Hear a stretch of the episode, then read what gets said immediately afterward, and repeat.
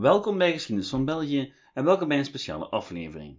Om mijn mini-reeks over vrouwen in de Belgische geschiedenis af te ronden, spreek ik vandaag met Kim de Scheenmaker, historisch onderzoeker bij Liberas, die zich de voorbije jaren onder andere heeft bezig gehouden met het tot stand komen van de abortuswetgeving, liberale vrouwenbewegingen en vrouwenstemrecht. Ik hoop dus dat zij mij een klein beetje kan helpen om goed te maken wat ik gemist heb in de voorbije drie afleveringen. Welkom, Kim de Scheenmaker. Dag Tim, dankjewel dat ik uh, aanwezig mag zijn in deze aflevering. Heel graag gedaan. Um, Kim, ik ga met de deur in huis vallen, want dat is iets wat mijzelf heel erg is opgevallen eh, bij het maken van die afleveringen. Zijnde, er is in de publieke ruimte heel weinig vrouwengeschiedenis. Of toch niet zoals er geschiedenis bestaat over, over andere zaken. Hoe komt dat je daar zo weinig over hoort in, ja, in de culturele ruimte, zo gezegd? Wel, eigenlijk uh, in de geschiedwetenschap is er vrij lang aandacht geweest vooral voor de grote mannen en de grote feiten in de geschiedenis. En weinig aandacht voor andere groepen, waaronder vrouwen. En het is vooral in die periode dus in de 19e eeuw, wanneer dat die aandacht op die grote mannen ligt, dat ook de publieke ruimte sterk is vormgegeven zoals we die nu kennen. Zoals met uh, straatnamen die gegeven werden, met standbeelden die opgericht werden en dergelijke. En daardoor zijn het vooral zulke mannen die uh, die straatnaam, uh, allee, die dus een naam kregen voor de straat, um, ook die een standbeeld naar zich vernoemd, ja, die dus een standbeeld kregen. En vrouwen, die kregen daar geen plek in. Nu, de vrouwengeschiedenis op zich, dus aandacht voor vrouwen in de geschiedenis, is er nog maar vrij kort. Uh, en dat komt uh, vooral uit vanuit de feministische beweging zelf. Zij zijn de eerste die daaraan aandacht zijn bes uh, gaan besteden. En dat is vooral tijdens wat ehm, voor de meeste mensen bekend staat dan als de tweede golf van het feminisme. Mm -hmm. Nu ja, er is ook wel in, de, in het geschiedenisonderzoek is er enige nuance aan te brengen in het idee van golven um, in uh, de feministische beweging. Maar dus wat algemeen gekend is als die tweede golf van uh, het feminisme, die groep vrouwen heeft ook aandacht beginnen besteden aan de vrouw in de geschiedenis. En van daaruit is daar ook geleidelijk aan op universitair en onderzoeksmatig niveau meer aandacht voor de vrouw ja. uh, ontstaan. Ja, absoluut. Ik, ik heb zelf heel wat, heel wat zitten zoeken naar academisch werk en er is heel veel vanaf de jaren 80. wat, wat mij heel hard opviel, dat er vanaf de jaren 80 vind je een heleboel theses, een heleboel onderzoek over van alles. Het gaat heel breed. Um, en, en dat viel mij heel hard op. Ik was er ook heel blij mee, want ik had iets om mij op te baseren voor de aflevering. Wat ik dan wel... Ik was heel blij dat er zoveel was. Wat dan natuurlijk opvalt, is dat ja, er bestaat heel veel werk, er bestaat heel veel onderzoek, vooral gedaan door vrouwelijke historici. Um, maar dat geraakt heel duidelijk niet tot in die publieke ruimte, tot op de dag van vandaag niet. Want oké, dat in de 19e eeuw, dat die beeldvorming, dat die heel mannelijk is, is dan zich wel logisch, omdat er niks bestaat van geschiedenis die echt gaat gaan kijken naar de rol van de vrouw. Maar die geschiedenis bestaat vandaag wel. Ze is makkelijk te vinden. Uh, ik heb hele lijsten met, uh, met theses en artikels op de Facebookgroep gezet. Ze bestaat, je kan er makkelijk aangeraken via internet. En toch denk dat we nu pas de laatste twee jaar zien dat dat meer naar, naar, naar, naar de mensen gaat. Maar dat blijft blijkbaar heel moeilijk. Wel, dat is eigenlijk voor verschillende groepen die lange tijd in de marge zijn gebleven ook uh, over etnische minderheden en dergelijke. Ja, dat zie je nu sterke bewegingen opkomen. Bijvoorbeeld uh, rond de decolonisering van het straatbeeld en zo. Wel, het hetzelfde geldt voor vrouwen. Mm -hmm. Het is pas vrij recent dat ze echt meer ook uh, in de publieke sfeer kunnen optreden. Ja. En geleidelijk aan komen er effectief ook meer vragen voor uh, stratennamen ook naar vrouwen te noemen. En zo zijn er van bepaalde steden ook vragen geweest aan Liberas, dus het archiefwerk Werk, om, een enkel, om enkele namen voor te stellen. Mm -hmm. Is dat, is dat, dus op zich is dat een goede evolutie natuurlijk, maar is dat genoeg? Wel, um, eigenlijk denk ik persoonlijk dat in eerste instantie, dat er vooral ook in het geschiedenisonderwijs en in de publicaties die er verschijnen en dergelijke meer aandacht moet zijn voor vrouwen. En dat dan geleidelijk aan dat dat wel een invloed zal hebben dan op ook uh, de publieke ruimte iets breder. Ja, het is interessant dat je het aanbrengt. Um, een van mijn, mijn meest trouwe luisteraars, Kenneth Soete, die stuurde een vraag in die eigenlijk daarover ging. Um, zijn dan, de leerplannen van het, van het secundair onderwijs voor geschiedenis veranderen af en toe, maar ook met de Vlaamse kanon in aantocht is het nu de vraag van, oké, welke rol geef je vrouwen daarin? Is dat ook iets dat we echt moeten aangrijpen om in dat geschiedenisonderwijs van jongs af aan ook dat aspect van de geschiedenis te gaan aanbrengen? Uiteraard, ja, daar ben ik zeker van overtuigd. Het is natuurlijk zo, het hangt ervan af hoe dat die kanon exact zal ingevuld worden. Als er bepaalde sleutelmomenten worden uitgekozen, dan zou het niet meer dan logisch zijn dat er gekeken wordt naar de rol van verschillende groepen bij die sleutelmomenten. Dat niet enkel aandacht is voor een paar belangrijke mannen of zo, mhm. of mannen die, um, omdat de samenleving zo toen in elkaar zat, zichtbaar waren, meer zichtbaar waren in de publieke ruimte. Maar dat er ook aandacht is voor bijvoorbeeld uh, de arbeidersklasse en voor groepen zoals vrouwen, kinderen eigenlijk ook, die ook dikwijls geen stem krijgen. Nee, absoluut. Dus als er keuze is voor sleutel, als er gekozen wordt om echt sleutelmomenten uit te lichten, zou ik er toch wel van uitgaan dat daarbij aandacht is voor verschillende groepen die betrokken waren bij die sleutelmomenten. Mm En stel dat, want het kan, hè, ik hoop dat het niet gaat gebeuren, maar stel dat men dan toch weer kiest voor een klassieke interpretatie van figuren, gaan we, welke vrouwen zouden daar dan ook deel van uit moeten maken?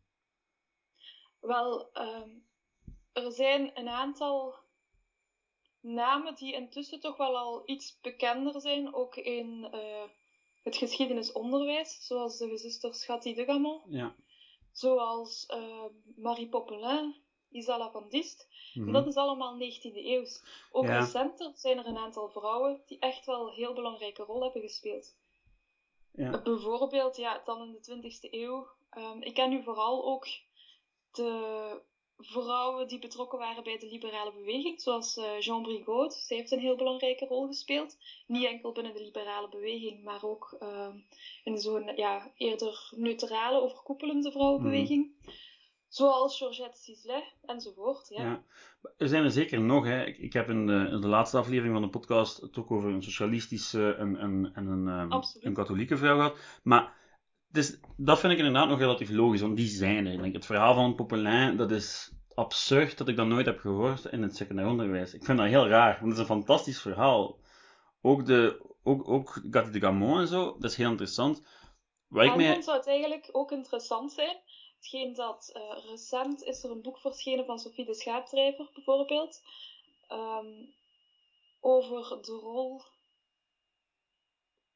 van um, Gabrielle Petit tijdens de Eerste Wereldoorlog. En kijk, daar is er over de geschiedenis van de Eerste Wereldoorlog wordt dikwijls gesproken over de soldaten aan het front. Mm -hmm. Gaat dikwijls over mannen.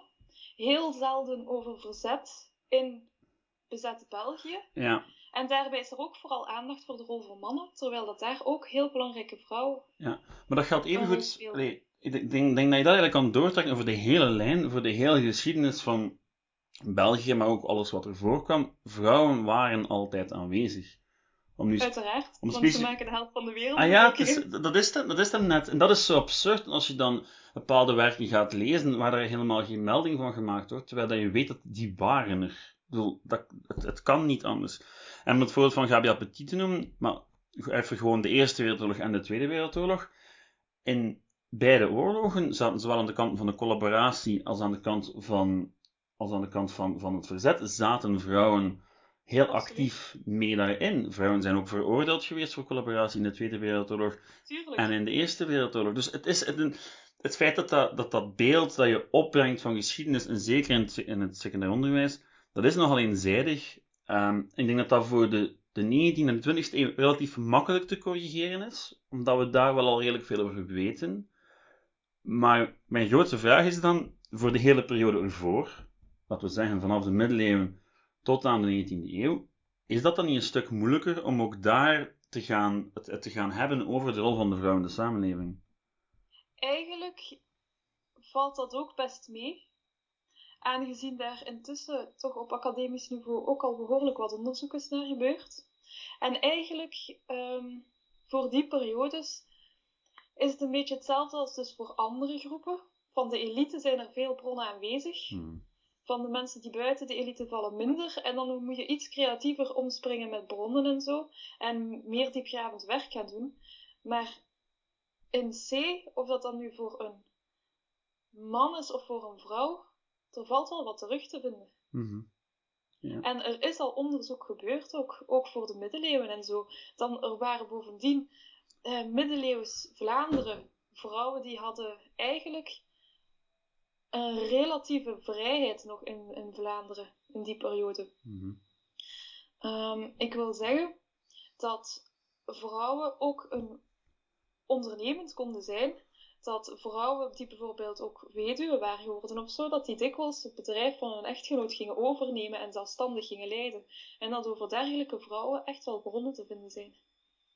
Ja, absoluut. Dat, dat valt inderdaad heel hard op, denk ik. Dat, dat je, als je daarnaar gaat kijken, dat er is heel veel onderzoek geweest, vooral naar die middeleeuwen. En je ziet dan ook gewoon, langzaam maar zeker, vanaf de 15e eeuw, zie je dat afkalven, die vrijheid, om dan uiteindelijk te resulteren in uh, Napoleon. Allee, de wetgeving van Napoleon die heel veel gaat gaan inperken officieel. Ik vind, ik vind dat een mhm. ongelooflijk boeiende... Ik vind dat een ongelooflijk boeiend verhaal. En dat gaat ook volledig in tegen het idee dat je soms krijgt alsof dat vrouwengeschiedenis pas begonnen zou zijn in de 19e eeuw. Ja, ja, absoluut. En ook, het maakt ook duidelijk dat de geschiedenis op zich niet rechtlijnig is. Want dat daar ja, golfbewegingen in zitten, dat er op vlak van rechten bijvoorbeeld, dat er soms vooruitgang, soms achteruitgang geboekt wordt en dat niet dat er geen automatische richting is in de geschiedenis. Het is niet zo dat we noodzakelijk naar de hedendaagse, van de positie, hedendaagse positie van de vrouw zijn geëvolueerd. Nee, het mhm. kon ook helemaal anders verlopen zijn. En dat zie je ook in andere landen, in de geschiedenis van andere landen. Dat vind ik een interessant punt, omdat je, dat is inderdaad iets dat je heel veel mensen denk, kijken naar het verleden vanuit het, het, idee van, ja, ja, dat is allemaal logisch dat we naar dit punt zijn gegaan. Maar als je naar de geschiedenis van de vrouw kijkt bijvoorbeeld, dat, had alle kanten kunnen uitgaan op een bepaald moment. Uiteraard, ja. Dat, zien we bijvoorbeeld toch in uh, Iran, waar in de jaren 70 er veel meer vrijheid was voor de vrouw mm dan heden ten dagen. Ja. Ja, het is ook net daarom vind ik persoonlijk dat, die, dat het zo belangrijk is om daar ook meer zicht op te krijgen. Um, ik heb nog een andere vraag die ons naar een ander onderwerp gaat voeren. Um, heel concreet, als je kijkt naar de laatste 200 jaar, um, wat is daar eigenlijk de belangrijkste doorbraak geweest voor vrouwenrechten, historisch gezien? Is dat dan echt het vrouwenstemrecht of is er ook nog wel een andere mogelijkheid? Dat is heel moeilijk te beantwoorden. Aangezien ja, het is moeilijk om zulke zaken in te schatten. Natuurlijk, als je als vrouw ook stemrecht hebt, dan kan je al iets meer gaan wegen op ehm, de beslissingen die genomen worden.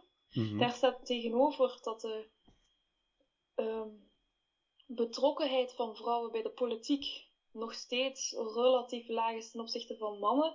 En dat dat ook pas vrij recent gestegen is. Dus vrouwen hebben lange tijd zijn lange tijd toch wel nog op de achtergrond gebleven in die politiek. Mhm.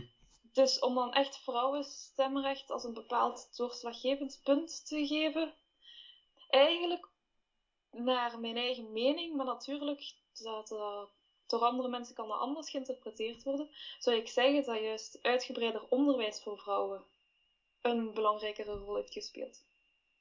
Dus dan heb je het meer over de rol van een, van, van een, van een Gatti de Gamon om, onder, om vrouwenonderwijs naar een hoger niveau te tillen? Of heb je het dan eerder over het uitbreiden van het onderwijs op een veel grotere schaal? Beide. Dus zowel dat er, dat er aandacht is, want bij Cathy de Gamont, dat ging toch ook wel in eerste instantie voor uh, burgervrouwen en dergelijke. Maar dan algemeen een uitbreiding van onderwijs ook voor, voor uh, een groter deel van de bevolking heeft ook wel een belangrijke rol gespeeld. En ik denk dat onderwijs toch wel heel belangrijk is in verschillende emancipatiebewegingen en ook die van de vrouw. Ja, dat is voor mij persoonlijk, als ik het, het verhaal bekijk inderdaad, en dan zie je dat voor mij persoonlijk was Cathy de begon het daar wel in grote mate. Nu, ik heb mij een paar weken uh, ingestudeerd en nu, ik ben ook leerkracht, dus voor mij is het relatief logisch dat alles begint bij onderwijs. Uh, dus ik hoor het heel graag zijn. Maar ik had inderdaad ook dat gevoel dat die heel die beweging, en zeker een, een Populain bijvoorbeeld, die dan zelf weer heel veel in gang gaat zetten, dat dat allemaal voortkomt uit dat goed onderwijs versterken, waardoor, waardoor dat ook vrouwen hun capaciteiten kunnen gaan ontwikkelen en kunnen gaan tonen dat zij ja, op zijn minst gelijkwaardig zijn als, een, als het hen wordt toegestaan. Klopt, um, er is ook effectief vanuit die scholen dat er een, een soort van feministisch netwerk ontstaat. Van vrouwen die ijveren naar, naar meer vooruitgang. Plus ook vrouwen dan die onderwijs hebben genoten. Die dan gaan hun plaats in de maatschappij gaan opwijzen. Van, verdikken, ik heb gestudeerd als arts. Ik ben met onderscheiding afgestudeerd en nu kan ik niet gaan werken als arts of als advocaat of als notaris en dergelijke meer. Als apotheker, dus dat is natuurlijk meer voor een elite, maar zo worden al bepaalde barrières doorbroken. Ja, wel, breng mij tot het volgende. Iets dat mij heel hard opviel bij die eerste, bij die generaties van eerste vrouwen. Um, het komen zo allemaal op in de jaren 80 en de jaren 90 van de 19e eeuw, die eerste vrouwen. Um, die halen bijna allemaal hun diploma of een certificatie uiteindelijk bij de ULB. Um, is dat een aanleiding dat de verzuiling ook wel een rol speelde op dat moment? Um, eigenlijk deels wel. Um, vrouwen waren aanvankelijk tot geen enkele universiteit toegelaten. Er zijn er dan ook vrouwen die in het buitenland een diploma hebben gehaald. De eerste uh, dokter. de eerste vrouwen, ja. ja. De eerste dokter bijvoorbeeld, hè? Ja, inderdaad. Uh, Isala van Diest is dat. Um, en daarna, ja, er staat niet wettelijk bepaald eigenlijk dat vrouwen niet naar de universiteit mogen. Het is wel zo dat er drempels zijn. Je moet uh, ook als vrouw eerst aan bepaalde kwalificaties voldoen, um, voldoen voordat je naar de universiteit mag. En op dat moment is er geen middelbaar onderwijs voor vrouwen. Dus slaag er dan maar eens in om aan te tonen dat je over de kwalificaties beschikt. Maar dus dan gaan zij via de centrale examencommissie en behalen, zijn er een aantal vrouwen die die kwalificaties behalen. Mhm. En wanneer zij zich dan vervolgens willen inschrijven aan de universiteit, botsen zij toch op een nee. En dan stappen zij naar het uh, grondwettelijk hof, of het Hoge Rechtshof, dat weet ik niet meer precies. Um, en wordt er, wordt er eigenlijk, ja, komt de uitspraak er dat zij inderdaad toegelaten zijn. Mhm. um, tot, uh, tot, ja, tot de universiteit, tot een aantal uh, opleidingen. Er is nog enige moeilijkheid om het effectief in de praktijk te brengen, maar het is daardoor dat zij toegelaten worden. En waarom dan ja, ULB? Eigenlijk omdat dat ook uh, een universiteit is die effectief onder toezicht van de staat staat. Dus zij ah, moeten effectief voldoen aan die wettelijke normen. Terwijl ik denk, ik ben niet zeker, maar dat KU Leuven meer haar eigen koers mag varen. Ja, oké, dat is boeiend. Dus dat het zo eerder zo overgaat, tussen de band tussen de staat, dan dat het op zich iets ideologisch is. Want ook de VUB in eerste instantie verzette zich daartegen. Hmm, okay. uh, VUB, ja, ULB. ja, dat is interessant, want ik heb het gevoel dat de staat een heel dubbele rol speelde. Het ging, ging waarschijnlijk ook heel veel af van de interpretatie van de rechter of de rechtbank op een bepaalde dag. Want als je dan bijvoorbeeld kijkt naar Popelin, die zal in, in hoger beroep gaan, die zal naar cassatie gaan, om toch maar haar job waar ze voor gestudeerd heeft te mogen uitoefenen. En dat zal daar telkens op een net stoten. Dus die staat speelt daar wel een dubbele rol. Wel, de staat, je zit daar met scheiding van machten natuurlijk. Hè? De rechtbank is niet de staat. Um, en misschien dat het wel een rol speelt dat het bij Popelin effectief voor een job als uh, in de advocatuur gaat. Ja. En dat dat dus eigenlijk de mannen die erover beslissen, eigenlijk een beetje ergens bedreigt in hun positie, in hun status en dergelijke. Terwijl dat voor vrouwen die gaan studeren, hen niet bedreigt in hun status. Nog niet. Ja, ja inderdaad. Het, het, het vonnis van, um, ik denk dat het vonnis van, van hoger beroep was, dat ik heb voorgelezen op, um, in een aflevering van de podcast. En dat was ongelooflijk wat voor retoriek daar gebruikt werd, om, om maar te kunnen aantonen dat Popelijn niet geschikt was. En dat ging heel erg, dat ging volledig over gender. Dat, dat ging volledig ja, daarover. Volledig, ja, klopt. Dat was redelijk onthutsend om met de bril van vandaag naar zoiets te gaan kijken. Want dat is dan echt, uh, ja, je kunt het je bijna niet meer voorstellen. Maar ja, het is grof en tegelijkertijd, het is, dat, dat vonnis was in, in 88, denk ik, in 1888. Dus dat is, ja, 140 jaar geleden ongeveer. Mhm. Dat is niet zo heel lang geleden. Dat is, dat is, dat is twee, drie generaties uh, geleden. Dus de, de, moeder van mijn grootmoeder leefde toen. Maar ja, als je nog een beetje dichter bij huis kijkt, um, in welk jaar is het? Het is pas in de loop van de 20e eeuw dat vrouwen effectief, ja, dus stemrecht al, maar ook dat zij um, volledig over hun eigen loon mogen beschikken. Dat zij zonder toelating van de man mogen gaan werken of een onderneming mogen starten. Dat is nog allemaal veel recenter. Ja.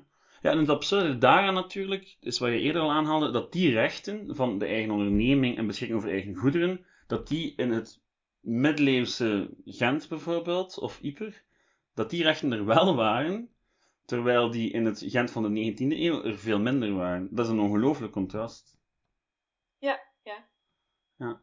Um, nog een laatste, of ik weet niet hoe lang we nog kunnen doorgaan, maar nog een onderwerpje. Um, ik heb het gevoel dat in de historiografie, dat eens het vrouwenstemrecht behaald is, um, dan wordt de focus in de geschiedschrijving heel snel verlegd richting abortus. Um, waarom... Ja, je bedoelt dat voor de geschiedenis van de 20e eeuw? Ja, voor de geschiedenis van de 20e eeuw, ja, inderdaad, ja. Um, dat is natuurlijk een heel groot dossier geweest dat ontzettend lang heeft aangesleept. Waar vrouwenorganisaties zich echt wel gezamenlijk heel fel achter geschaard hebben, hoewel dat er ook vrouwenorganisaties waren die daar niet achter stonden. Mm -hmm. niet alle vrouwen vrouwenbewegingen of vrouwenbewegingsorganisaties moeten we altijd vereenzelvigen met, met een bepaald idee van progressiviteit. Um, ieder heeft ook zijn eigen invulling van concept van, van feminisme en dergelijke. Um, maar het is zo'n groot dossier geweest en het is best wel bepalend, aangezien dat um, in de loop van dat dossier ook anticonceptie werd vrijgesteld. Mm dat is helemaal in het begin dan. En dat is eigenlijk een soort, ja, soort uh, koelhandel geweest. Om over het een abortus niet te hoeven praten, gaan we dan toch maar anticonceptie vrijmaken. En het heeft zo'n impact, zo'n grote impact over hoe dat vrouwen hun eigen leven kunnen inrichten. Over hoe dat ze over hun eigen lichaam kunnen beschikken dat het eigenlijk best logisch is dat het dan zo, zo in aandacht komt. Kan je daar even iets meer over zeggen? Want in alles wat ik gelezen heb, kwam dat ook heel sterk naar voren. Ehm, maar ik denk dat, dat, dat het voor jou misschien makkelijker is om dat uit te leggen dan voor mij, want op het einde van de rit ben ik nog altijd ehm, een man. Maar ik heb het gevoel dat daar in heel veel belang aan gehecht werd. Aan dat, dat, dat, die seksuele dimensie, aan dat lichamelijke. Kan je daar even diep op ingaan waarom dat zo belangrijk was voor al die vrouwenorganisaties? Niet allemaal, maar zeker voor anticonceptie was het toch wel een redelijk grote coalitie uiteindelijk om dat erdoor te doen. Waarom dat men daar toen zo op gehamerd heeft? Wel, um...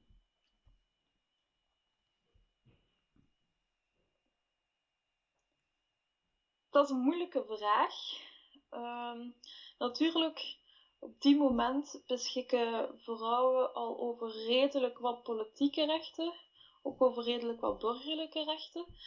Uh, maar dan wordt duidelijk dat ondanks die rechten dat er van gelijkheid nog altijd niet zo heel erg sprake is. Dat in de praktijk de vrouwen op de arbeidsmarkt nog steeds zwaar gediscrimineerd worden. Um, en bijvoorbeeld een van die zaken is bij zwangerschap, nee, bij het huwelijk al in uh, veel gevallen, mhm. ja, dan, dan, dan ging de man werken en de vrouw niet meer. Ja. Um, en dan bij zwangerschap, ja zeg, het was toch wel de bedoeling dat de vrouw aan de haard bleef en voor de kinderen ging zorgen. Ja, dat is een heel... Dat was het algemene idee, ondanks dat dat daarom niet... Ja, het was dan relatief wijd verspreid, maar zeker niet algemeen geldend. Uh, maar dat was wel het ideaalbeeld dat men had. Maar dat was ook niet wettelijk, toch? als je dan als vrouw elk jaar een kind krijgt en je lichaam belast en zo... Mm ik bedoel, ja, vrouwen hadden voordien ook wel al mogelijkheden om aan geboortebeperking te doen. Maar moest ook, ja, dat werd onder vrouwen geregeld.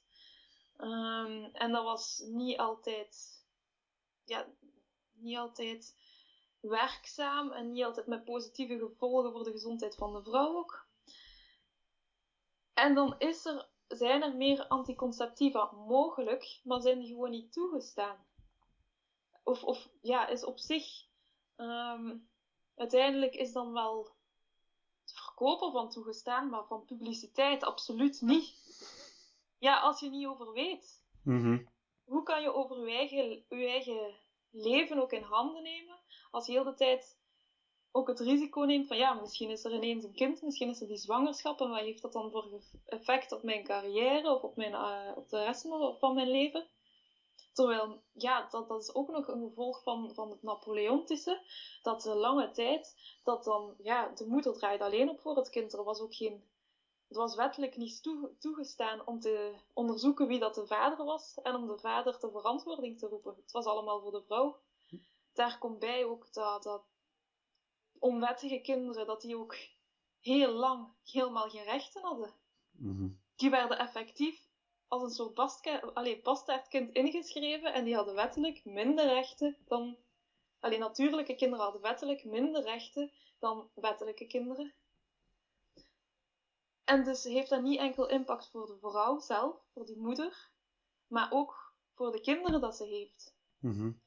En het is dan goed als ze daar zelf toch meer de hand in kan, uh, kan hebben. En daarom is dat zo'n belangrijk issue. En dan, ja, wat de abortus betreft, um, bij het abortusdebat op zich, ging het dus, waren de verschillende groeperingen het al snel erover eens dat op zich abortus mogelijk zou moeten zijn in geval van medische indicatie.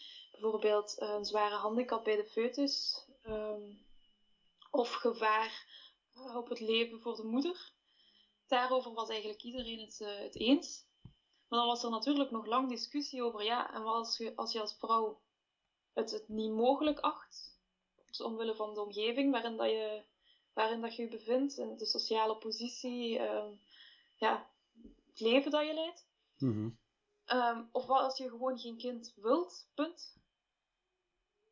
Maar daar wordt dan wel door, door verschillende vrouwenbewegingen heel hard naar gestreefd dat dat ook mogelijk moet zijn. Dat het idee is dat een gewenst kind een gelukkig kind is. En dat niet de bedoeling is dat er ongewenste kinderen op de wereld gezet worden. Mm Wat je vaak ziet terugkomen als het hierover gaat, dan zegt men vaak van, kijk, het recht op anticonceptie en, en later ook op abortus is eigenlijk het recht op zelfbeschikking voor de vrouw in de moderne maatschappij.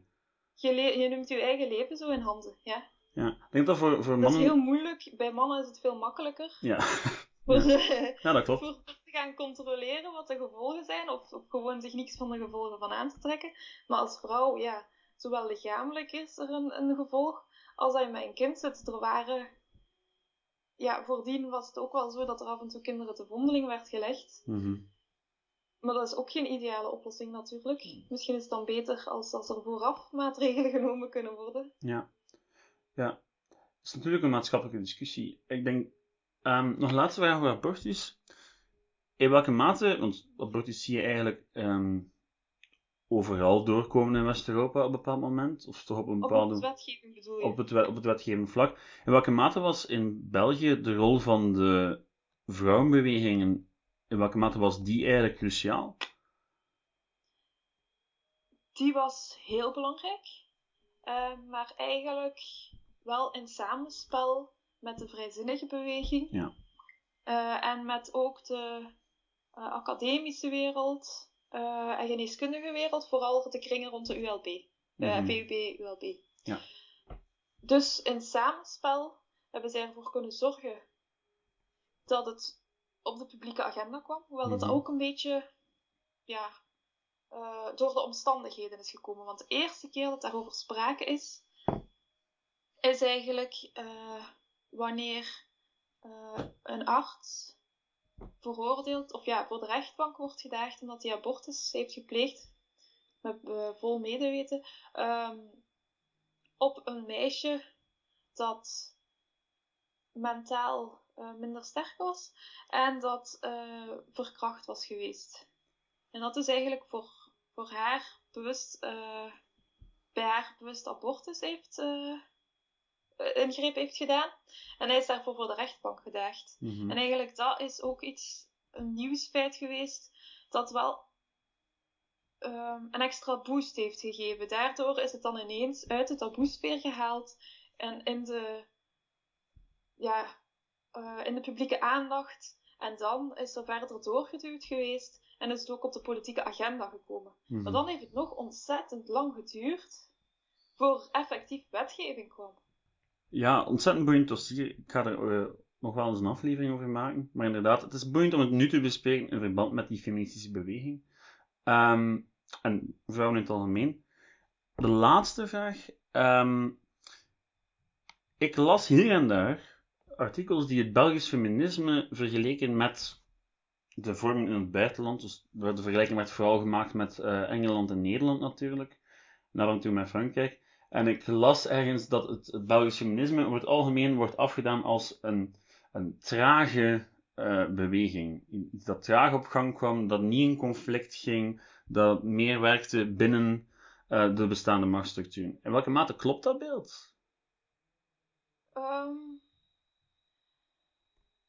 het is zo dat we natuurlijk de Engelse casus vooral heel sterk kennen van de suffragettes en dan van heel felle campagnes waar dat ook geweld aan te pas kwam. Mhm. Waarbij dat trouwens tot nu toe nog zeer twijfelachtig is of dat dergelijke gewelddadige campagnes hun casus niet eerder uh, vertraagd hebben dan versneld. Mm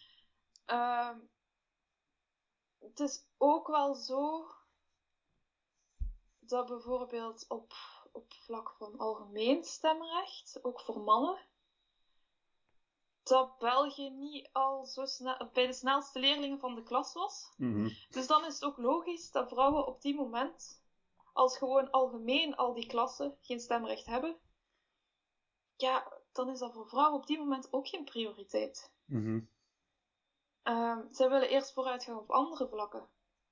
Ja, misschien. Dus het is wel logisch dat er op die moment daar minder fel geageerd wordt. Maar uh, ja, verder hebben vrouwen hier in België wel steeds in contact gestaan met het buitenland. Mm -hmm. En een eigen, ja, een eigen koers daarin bewandeld. Dat was inderdaad ten opzichte van sommige landen minder confronterend uh, met de staat, met de staatsbestel en dergelijke. Um, ze zochten minder de confrontatie op. Misschien is dat ook omdat op zich, dan zodra er uh, stemrecht was, dat ook uh, politieke partijen vrouwen zijn gaan incorporeren. Mm -hmm eigenlijk ook de Vlaamse beweging heeft, is ook lang verdeeld geweest, omdat ze over de verschillende zuilen verspreid zat. Bij de vrouwenbeweging, hoewel dat er ook een poging is geweest tot een vrouwenpartij, ja, die is nooit doorgedrongen. Mm die, heeft, die, die, heeft nooit kunnen doorbreken, die vrouwenpartij. Die zat dus een beetje in verspreide slagorde en dan heerst daarbij dikwijls van, bijvoorbeeld, de socialisten waren dikwijls degene die het meest achter vrouwenrechten stonden, maar daarbij stond het belang van de partij en politiek pragmatisme dikwijls wel een, een niveautje hoger, was dat van meer belang dan effectief de vrouwenrechten gaan verdedigen. Dus daarbij, de vrouwen zitten in verspreide slagorde over verschillende partijen en bij die partijen primeren andere zaken boven die vrouwenbelangen. Ja, dat is eigenlijk die, typische verzuilingspolitiek, hè, die voor een groot deel van de Belgische geschiedenis heel belangrijk is geweest, waar dat alles vanuit een, een ja, wat wij winnen, verliezen zij en omgekeerd. Dus elk voordeel, elke centimeter voordeel dat je geeft aan de tegenpartij wordt als een verlies beschouwd. En... Dat heeft bij het stemrecht dus ook een belangrijke rol gespeeld. Op zich waren liberalen niet principieel tegen stemrecht, maar zij hebben het wel heel lang tegengehouden, omdat ze dachten en vreesden dat uh, stemrecht voor de vrouwen vooral de katholieke partij te goede zou komen, omdat vrouwen zogenaamd meer onder invloed van de pastoor zouden staan. Was dat ook zo? Ik heb, ik heb dat heel veel gelezen, maar ik heb eigenlijk nog nergens gelezen hoe het dan eigenlijk zat in de realiteit.